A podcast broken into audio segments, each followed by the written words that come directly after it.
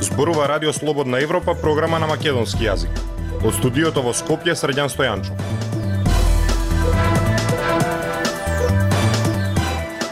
Ја слушате емисијата на Радио Слободна Европа, почитувани. Во неа објавуваме Извештај на Европската Унија за Македонија. Спроведување на законите, а не адхок решенија. Да се преживее зимата на загадувањето ќе се мисли подоцна. 11 октомвриски пораки, председателот Пендаровски за помирување, премиерот Ковачевски за евроинтеграции. Слушајте ме. Независни вести и анализи за иднината на Македонија. На Радио Слободна Европа и слободнаевропа.мк. Потребна е ефективна имплементација на постојното законодавство наместо да се покренуваат адхок иницијативи. Стои во нацрт извештајот на Европската комисија за Македонија во кој Радио Слободна Европа имаше увид. Земјава е целосно усогласена со надворешната и безбедносна политика на Европската Унија, стои во извештајот. Добро е оценета работата на антикорупцијската комисија. Македонија е умерено подготвена во речиси сите критериуми. Стои во извештајот на Европската комисија што треба да се објави утре, а во кој Радио Слободна Европа имаше увид. Единствено во економските критериуми е наведен добар напредок, а во усогласеноста на земјава со европската надворешна и безбедносна политика има многу добар прогрес.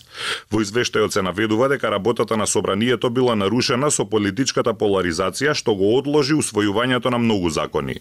Потребно е добро планирање и консултации за да се ограничи носењето на закони по брза постапка, а пратеничките прашања треба да бидат почести, се наведува во извештајот. Потребни се решителни напори за да се изгради динамика за реформи и придвижување во процесот на преговори со Европската Унија. Потребен е особен фокус за да се обезбеди ефективна имплементација на постојното законодавство наместо да се покренуваат адхок иницијативи, стои во извештајот. Охридскиот договор продолжува да се спроведува, а меѓуетничките односи се оценети како стабилни. Во извештајот се наведува дека се направени реформи во службите за безбедност, но треба да се зајакне капацитетот за парламентарен надзор врз работата на тајните служби се наведува дека доцни донесувањето на закони за реформи во администрацијата. Државната комисија за спречување на корупцијата беше проактивна во справување со случаите на непотизам, кронизам и политичко влијание во процесот на вработување во јавниот сектор и при назначувањето членови на надзорните и управни одбори стои во извештајот. Во однос на усогласеноста на Македонија со надворешната и безбедносна политика на Европската Унија се наведува многу добар прогрес со тоа што земјава целосно застана на страна на Европската Унија во однос на руската инвазија врз Украина. Со тоа Северна Македонија покажа дека може да биде доверлив партнер стои во извештајот. Правниот систем постигнал одреден степен на подготвеност и умерено подготвен. Започна подготовката на нова судска реформа која мора да биде посистематска. Судството ја покажува својата заложба да го заштити својот интегритет и независност стои во извештајот. Земјата постигнала одредено ниво на подготовка и е умерено подготвена за превенција и борба против корупција. Случаите отворени од поранешното специјално јавно обвинителство продолжија утврдувајќи одговорност за нелегалното прислушување се наведува во извештајот. За голем број предмети има првостепени пресуди, а отворени се постапки против високи владини функционери. Се наведува дека се потребни повеќе пари и луѓе во јавното обвинителство и во единиците за борба против корупцијата. Се наведува дека преспанскиот договор со Грција и договорот за добрососедство со Бугарија треба да се спроведуваат со добра волја од сите страни. Во однос на економските критериуми, земјата постигна добро ниво на подготовка во развојот на функционална пазарна економија.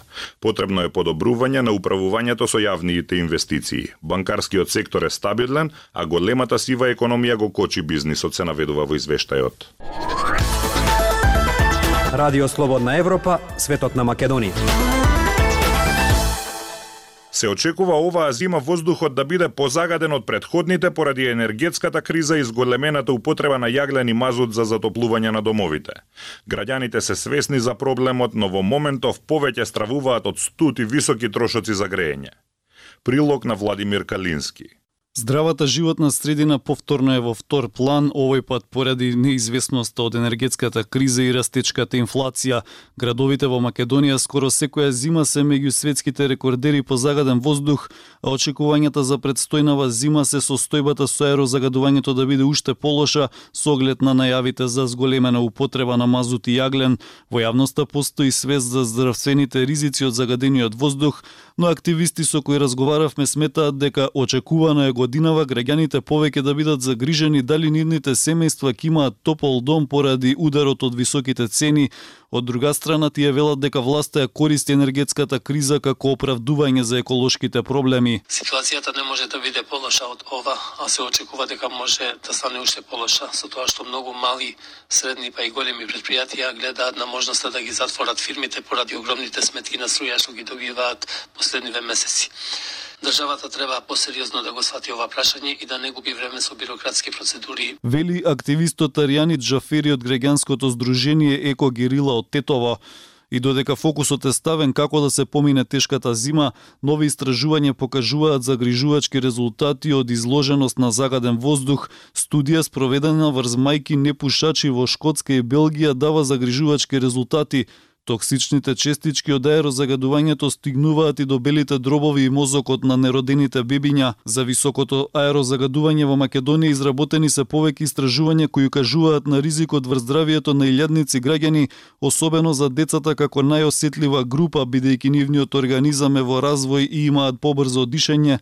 Власта во моментов се обидува да ги набави потребните количини на јаглен и мазут за производство на струја за потребите на бизнисот и граѓаните, Неизвестно е дали топланите во Скопје ќе обезбедат газ, во спротивно ќе треба да употребуваат мазут за скопјани да имаат парно грејење. Министерот за животна средина и просторно планирање на Сернуредини денове изјави дека е очекувано зимава аерозагадувањето да биде поголемо. Тој апелира граѓаните да внимаваат со што се греат, да бидат поефикасни и да се греат со дрве и пелети кои се според стандардите, а не со материјали кои од согорувањето испуштаат штетни материи. Но можни ли се некакви решенија во ситуација кога е сигурно дека зимава воздухот ќе биде високо загаден?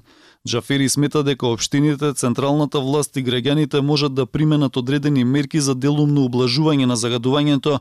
Општинските инспектори треба постојано да бидат на терен и да спречат граѓани или фирми да согоруваат отпад, пластика, гуми и други материјали Потребно е субвенционирање на јавниот превоз за граѓаните помалку да ги користат автомобилите, вели тој. Во смисла на долгорочни мерки треба уште од денес да се почне со инсталирање на соларни панели и фотоволтаици и да се улеснуваат околностите за да може секое домаќинство да производи своја струја. Вели Джафери. Наши економски проблеми. Ние разговараме за решенија на Радио Слободна Европа. Еден од начините да се намалат трошоците за грејење е инвестицијата во топлинска изолација на домовите. Граѓаните кои вложиле во фасади и нови прозорци и врати велат дека им се намалиле сметките за струја. Упатените велат дека инвестицијата се враќа за 2 до 6 години преку намалените сметки.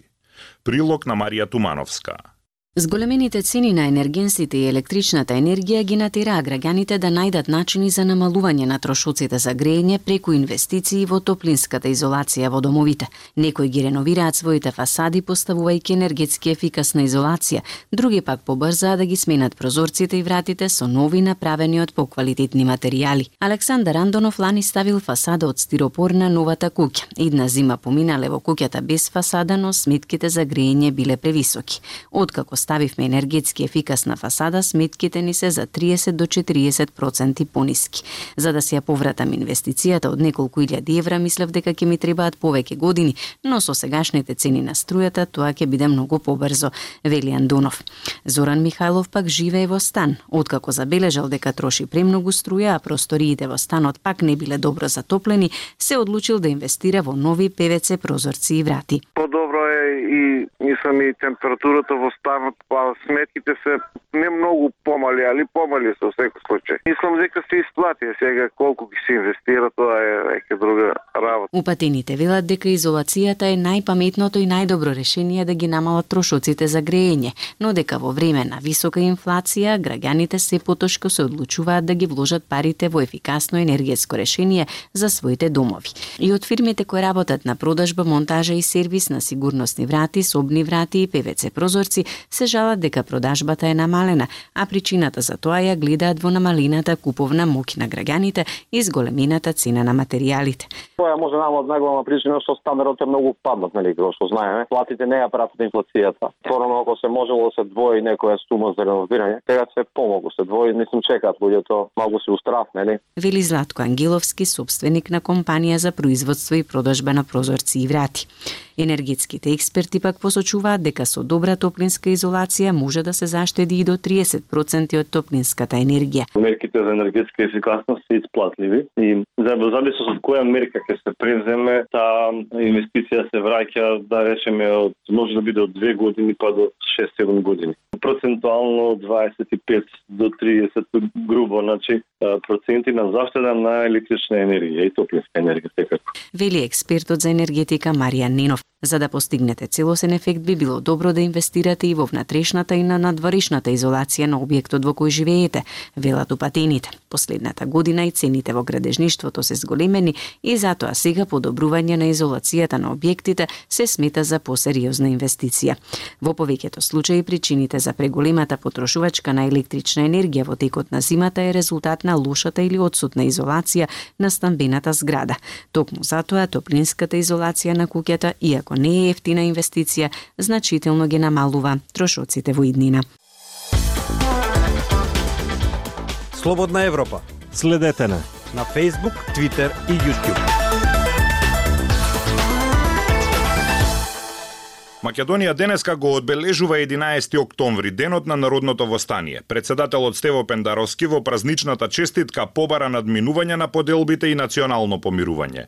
Премиерот Димитар Ковачевски рече дека кочењето на евроинтеграциите е предавство, а лидерот на ВМРО ДПМН е Христијан Мицковски дека Македонија останува антифашистичка земја. Антифашистичката борба нека ни биде инспирација за надминување на поделбите и национално помирување преку меѓусебна почит, порача председателот Стево Пендаровски во честитката до граѓаните по повод 11 октомври, денот на народното востание. 11 октомври и антифашистичката борба нека ни бидат инспирација за надминување на поделбите и национално помирување преку меѓусебна почит. Да ги оставиме личните интереси и суетите настрана и да работиме за општото добро, благословени со можноста да живееме во слобода слобода и мир во собствена држава, се наведува во честитката на Пендаровски. Премиерот Димитар Ковачевски пак од неговото родно Куманово порача дека не смее да се испушти шансата за членство во Европската Унија.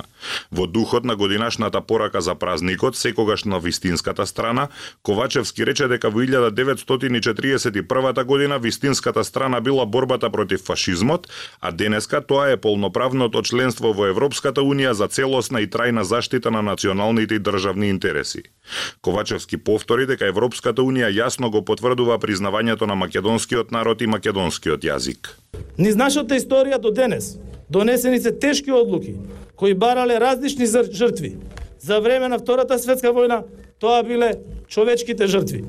Денес, кога го имаме диалогот како средство за доаѓање до помирувачко решение, никој нема право да ги погази делата на борците, нивната жртва и нивната верба дека еден светон ден, многу скоро, нашите нови генерации ќе живеат во својата родна Македонија, која што ќе биде напредна земја членка на Европската Унија.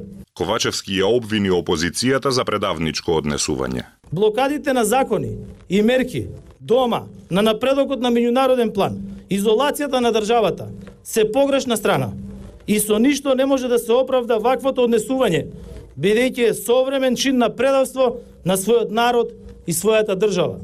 Услов за продолжување на евроинтеграциите е внесување на бугарите во македонскиот устав, но опозицијата се противи на тоа. Без гласови од барем неколку пратеници од ВМРО ДПМН, власта го нема потребното двотретинско мнозинство за промена на уставот. Лидерот на ВМРО ДПМН Христијан Мицкоски од приле прече дека Македонија била и ќе остане антифашистичка држава. За време на Втората светска војна бугарските фашисти извршиле злостор на територијата на денешна Македонија, а македонскиот народ се обединил и го поразил тој злостор. И македонскиот народ веднаш после Втората светска војна бил на вистинската страна на историјата.